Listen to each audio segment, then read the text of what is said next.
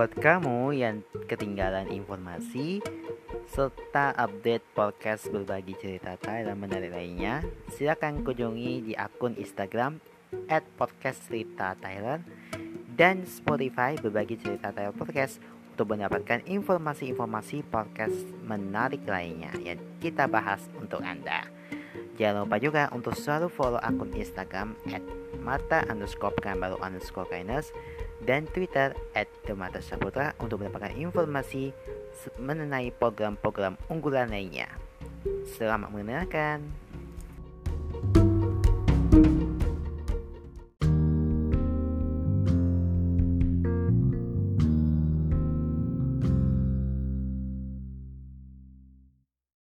Oke, marilah kita mengeluarkan waktu sejenak selama 15 menit.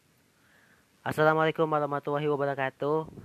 Apa kabar kalian? Semoga kami harapkan dalam keadaan sehat walafiat. Ya masih sahur. Selamat sahur. Ya berpuasa selamat berpuasa. Dan selamat datang di podcast berbagi cerita Thailand edisi Ramadan. Setiap hari selama bulan Ramadan di Spotify bersama saya Merdeka Saputra dan temanku Tyler. Kami berdua masih di rumah dan kita sudah makan sahur bareng ya sama keluarga ya. Tapi mudah-mudahan ya puasanya lancar dan puasa tetap sehat lah ya. Nah, kali ini aku mau kepikiran nih membahas tentang hal apa yang paling dirindukan di bulan Ramadan.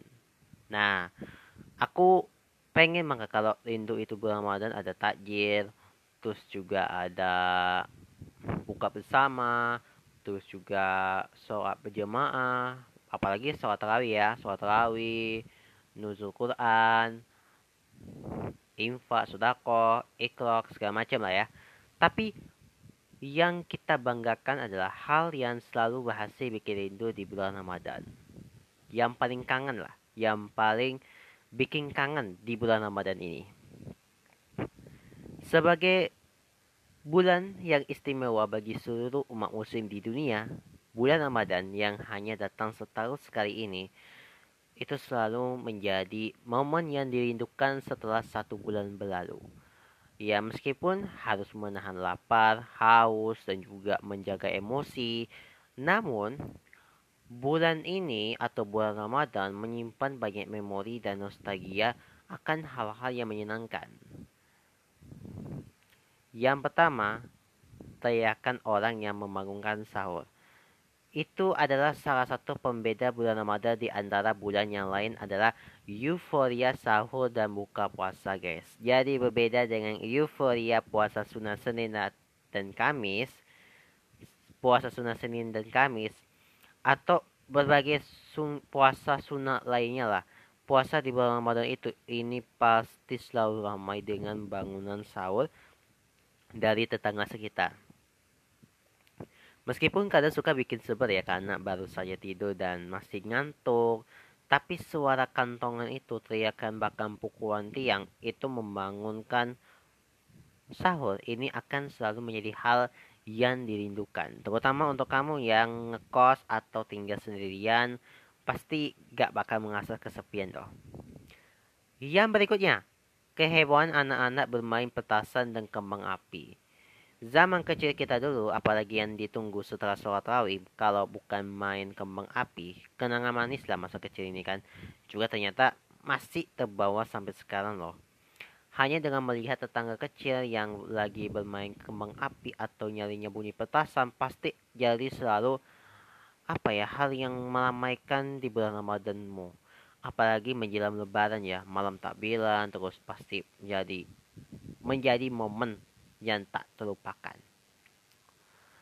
Terkesima dengan iklan sirup. Ah ini nih pasti bulan Ramadan pasti cerita-ceritanya seru-seru ya pas ada ikon sirup ya. Tapi entah sebenarnya kamu suka minum sirup atau enggak ya. Tapi di bulan Ramadan ini kamu pasti selalu ke kesima atau terharu dengan ikan-ikan sirup segar yang ditabur dengan es batu dan juga buah-buahan segar yang ada di TV. Ya, itu meskipun menggoda, Tapi pasalnya, pasalnya kamu pasti selalu cari-cari celah lagi untuk menonton iklan sirup tersebut. Kalau di luar bulan Ramadan iklan sirup terlihat biasa aja kan? Nonton kau, nonton kultum. Nonton kultum bukan karena perasaan ilmu yang akan diberikan, tapi menonton kultum kuliah 7 menit adalah sebuah kebiasaan yang mau nggak mau kamu lakukan demi bisa standby mendengarkan azan. Tapi tak apa saja ya, di duduk di depan TV nunggu beduk, kamu juga mendengarkan ilmu agama yang dijelaskan dalam kultum tersebut kan?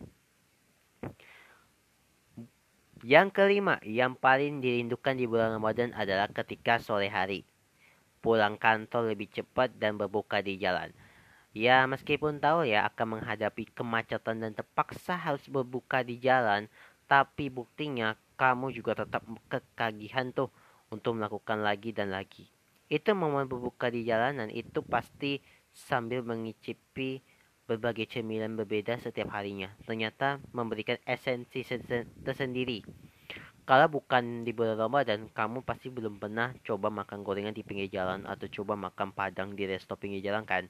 Apalagi kalau kamu bisa berbuka dengan kenalan baru. Hmm, pasti momennya itu lebih hangat lagi. Yang keenam, mie menu hari ke-15 dan seterusnya. Ya ini tengah tengah bulan nih mah.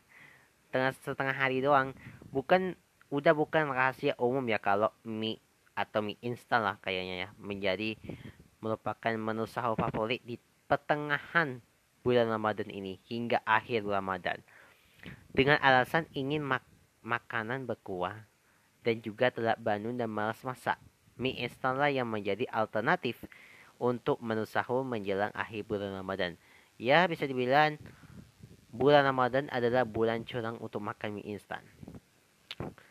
Ajakan reunian yang seguno. Nah, di bulan Ramadan, kamu bisa saja tuh kan mendadak dekat dengan teman SD yang nggak pernah berkomunikasi sepanjang tahun hanya dengan berbekal buka puasa bersama. Pasalnya, bulan Ramadan dengan acara bubur ini bahkan adalah alih-alih ya untuk kembali bersilaturahmi hmm, apa ya namanya bersosialisasi lah dengan teman lama gitu kan. Percaya atau enggak ya orang-orang itu pasti lebih berusaha untuk menyebabkan diri untuk hadir ke ruangan bubar dibandingkan undangan reuni di hari biasa. Tapi jangan heran ya setelah bulan Ramadan berakhir biasanya mereka akan kembali berkegiatan seperti biasanya. Yang ke Berikutnya, jajanan menjelang buka puasa.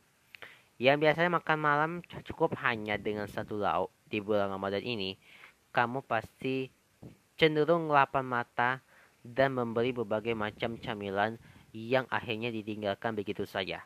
Sop buah, gorengan, dan kurma adalah menu wajib yang biasanya kamu santap sebelum menu utama tuh. Kebes, ke, kebesi, kebisingan ya, kebisingan atau berisik lah ya, kebisingan anak-anak di masjid. Nah, apalagi ya sahabat saya ya, bulan Ramadan ini selalu identik dengan sholat tarawih. Entah kenapa anak-anak itu jadi lebih termotivasi untuk beribadah di masjid, baik itu sholat subuh atau bahkan sholat tarawih.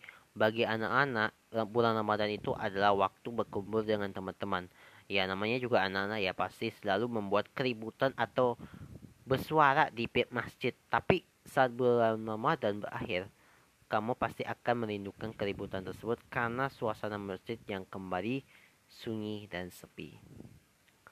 Yang berikutnya, yang pasti sebelum lebaran, biasanya kita uh, ada pasel atau enggak nyiapin tikar, bikin kue segala macam, bikin ketupat, bikin opor ayam. Namun ini yang lebih beda lagi nih. Ikut menukarkan uang ke bank. Di Indonesia atau di negara negara lain ya atau di Asia, Malaysia gitu kan. Itu di Indonesia itu memberikan THR masih menjadi budaya yang selalu diikuti. Bukan tentang angkanya, namun tentang keseluruhan berbagi THR di dalam keluarga tersebut bahkan tak jarang dalam prosesi membagikan THR tersebut akan ada gam up games ya atau games lah atau permainan lah dan tantangan lainnya. Berbelanja baju lebaran. Yang satu ini yang selalu menjadi favorit menjelang hari lebaran. Semuanya harus serba baru, baju baru, celana baru, sepatu baru, sandal baru, semuanya ya. Pasti kamu masih uh, mengikuti tradisi memberi baju lebaran mulai dari baju putih, peralatan sholat, sampai baju kasual untuk berkunjung ke rumah keluarga. Nah, itu yang momen yang selalu berhasil bikin rindu. Nah, sekarang ini lebih ceritanya lebih ada juga ya. Nah, hal yang kita paling rindukan di bulan Ramadan ini sebenarnya gimana sih? Maksudnya di bulan Ramadan itu adalah bulan yang penuh berkah, bulan penuh kesucian itu kan hanya setahun sekali. Tak berasa ya kita masuk bulan Ramadan. Nah, ada juga nih tradisi uh, apa yang bikin kalian hidupkan di bulan Ramadan. Yang pertama itu menyekat ke makam orang tua atau kakek nenek. Nah, buat kalian atau sahabat Tyler yang sudah ditinggalkan lebih dulu oleh orang tua atau kakek nenek, itu biasanya itu selalu ada tradisi nyekar beberapa hari sebelum puasa tiba ya. Hal tersebut sudah menjadi tradisi tak tertulis sejak leluhur kita. Nyekar itu dilakukan dengan untuk mendoakan mereka yang telah mendahului kita. Nyekar itu biasanya dibarengi dengan membersihkan makam dan menamburkan bunga serta berdoa ngabuburit menjelang buka puasa guys. Jadi ngabuburit atau jalan-jalan sore menjelang buka puasa itu sudah menjadi rutinitas yang selalu terjadi saat bulan puasa. Rasanya nggak afdol ya kalau sore menjelang buka itu cuma diam di rumah saja kan. Tapi ngabuburit itu biasanya itu dilakukan banyak orang untuk mencari hidangan berbuka puasa atau sekedar jalan-jalan lucu lah agar waktu berbuka nggak terasa. Kalau kamu bisa ngabuburit ke mana sih gitu Hinganan yang selalu ada di bulan puasa. Ada beberapa menu makanan atau minuman yang selalu bikin bulan Ramadan itu makin berwarna dan selalu dikangeni banyak orang. Cola, es kelapa, es buah adalah segelintir jenis hidangan yang gak boleh dilewati di bulan Ramadan. Saking larisnya itu manisnya tuh. Hidangan-hidangan tersebut hampir setiap blok jalan dan pinggir jalan itu selalu ada penjual takjil musiman yang siap bikin tenggorokan kamu nagih setelah puasa itu kurang lebih selama 13 jam.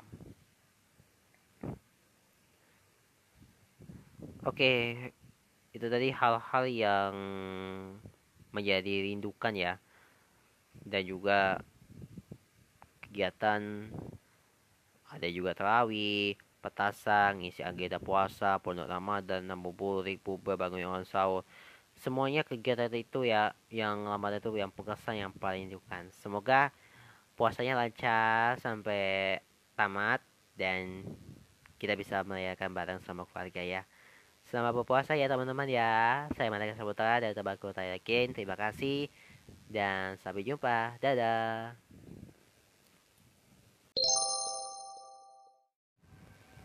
Ode Ramadan sebentar lagi Wow, kita sudah memasuki bulan Ramadan.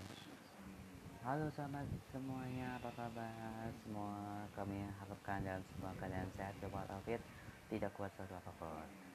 Nah, selama menjalani ibadah puasa kalian, kami akan menemani Anda selama bulan Ramadan dengan berbagai informasi, tips and trick maupun gaya hidup. Dan tentunya dalam segmen podcast berbagi cerita saya edisi Ramadan. Kali ini saya Mardeka Saputra akan menemani kamu selama menjalankan ibadah puasa di bulan yang penuh suci. Nah, episode kali ini kita akan membahas bagaimana sih kita menjaga imunitas tubuh kita selama berpuasa di tengah pandemi seperti sekarang ini. Banyak sekali ya di sekitar kita ada yang lesu, kalian tidak bersemangat kalau kita menjaga ibadah puasa. Apalagi di lapangan bis seperti saat ini nih. Harus lebih bertenaga dan harus lebih lebih untuk berbuat baik. Nah kita akan mengadakan tips. Kita segmen tips and trick berikut ini. Nah yang pertama ini kita akan buka. Ini adalah ada tiga cara nih menjaga imunitas tubuh selama berpuasa di tengah pandemi Ya, pandemi COVID-19 yang belum juga usai membuat kita harus meningkatkan kewaspadaan dalam menjaga imunitas tubuh. Lalu bagaimana sih menjaga imunitas tubuh saat harus menjalani puasa di bulan Ramadan selama sebulan penuh? Apakah puasa ini akan mempengaruhi sistem kekebalan?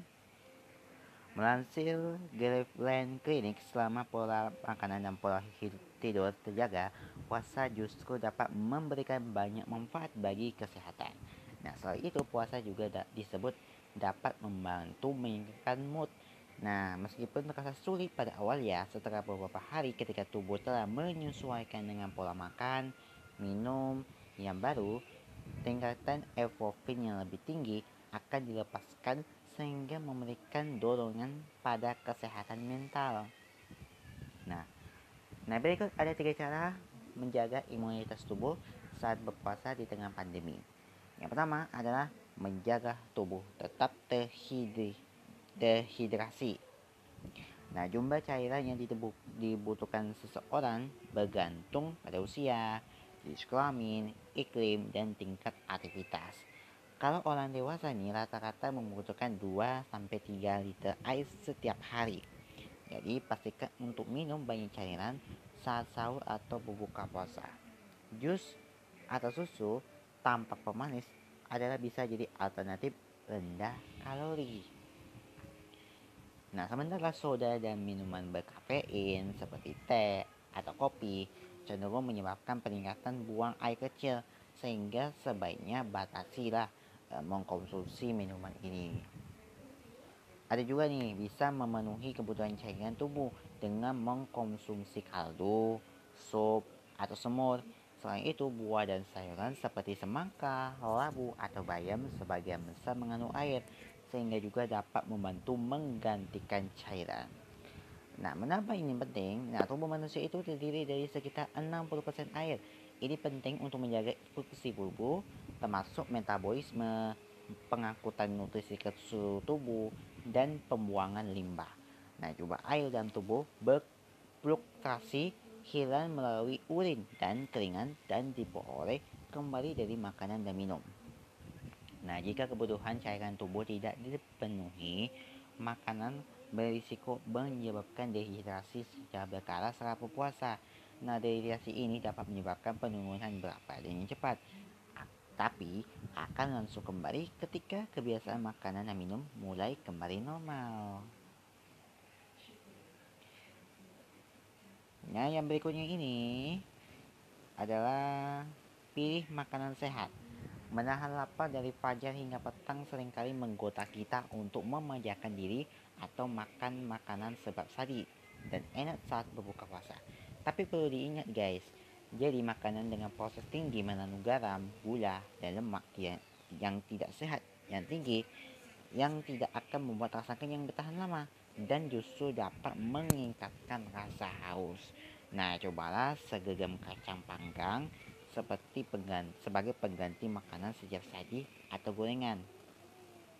Nah, pilihlah makanan yang dipanggang, dibakar, atau dikukus deh daripada digoreng. Jika Anda membutuhkan makanan pemenuh yang manis, buah adalah alternatif yang sehat dengan kandungan gula alami. Nah, mengapa ini penting, guys? Jadi, kebutuhan tubuh itu untuk memproses karbohidrat dan lemak untuk mencapai puncak nah, pada waktu-waktu tertentu dalam sehari. Nah, makanan yang dimakan di waktu luar waktu makan seperti makan menjelang tidur, makan makanan tidak terurai secara efisien sehingga dapat menyebabkan penambahan berat badan. Yang terakhir ini menjaga pola tidur dan olahraga. Nah, memilih makanan yang sehat untuk berbuka puasa akan membantu mengisi bahan bakar Anda dan mempersiapkan Anda untuk hari puasa berikutnya. Nah, selain menjaga pola makan, penting juga nih guys untuk memastikan tubuh beristirahat dengan menjaga pola tidur. Nah, meski demikian nih, bukan berarti Anda harus menghabiskan sebagian besar waktu untuk tidur. Pasalnya tidur itu justru sama itu, justru membuat tubuh merasa lemas. Pastikan Anda tetap beraktivitas seperti biasa deh. Bahkan Anda tetap bisa berolahraga. Jika biasanya ini Anda berolahraga di pagi hari, uh, Anda bisa merubah waktunya berolahraga itu menjelang waktu buka buka puasa.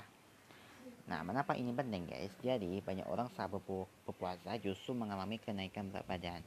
Umumnya ini, ini kita saat berbuka puasa, asupan kalorinya itu melebihi yang dibutuhkan tubuh. Padahal sebenarnya dengan pola makan yang tepat, puasa bisa membantu mengurangkan berat badan.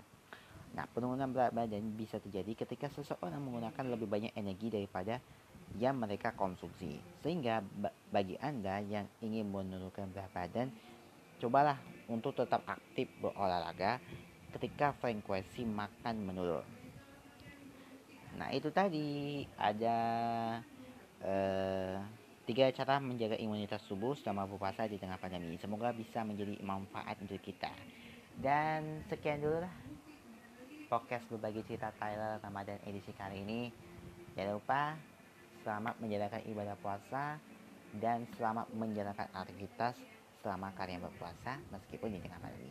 Ingat ya, tetap patuhi protokol kesehatan, pakai masker, jaga jarak, hindari kerumunan, cucilah tangan dengan sabun, dan membatasi mobilitas dan interaksi. Terima kasih. See you. Bye-bye.